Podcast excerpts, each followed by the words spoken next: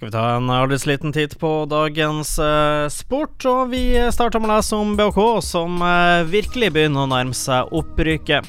Tilbake til norsk topphåndball.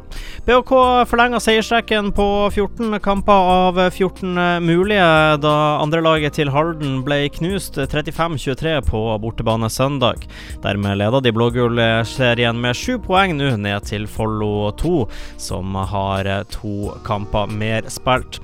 At det blir blir opprykk eh, er heva over enhver tvil, men fortsatt gjenstår det noen kamper for BOK. Neste helg eh, venter bedriftslaget til eh, Vy, Linjerud linje 5 på bortebane, som blir første møte med lagene i årets sesong, ettersom at bedriftslaget ikke møtte opp til kamp tidligere i sesongen.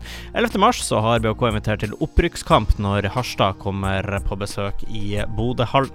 Og mens det går bra med BOK, så går det mindre bra med et annet elite eliteserielag i uh, Bodø.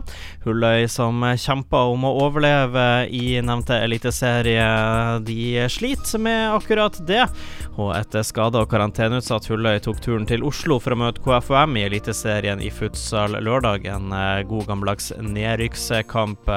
Et lag Hulløy ikke kunne tape hvis de ønska å sikre seg ny kontrakt med den øverste divisjonen i futsal i Norge. Men slik tilte altså i på ingen måte. Det ble en eh, grusom og pinlig kveld for det unge Hulløy-laget. Til pause sto det 4-0 til KFUM, før eh, etter sluttsignalet lød det sto hele 14-1 til eh, KFUM. Hulløy ligger fortsatt over streken med sine 19 poeng etter 16 serierunder, og har nå to ekstremt viktige kamper mot Freidi og serielederen Utleira.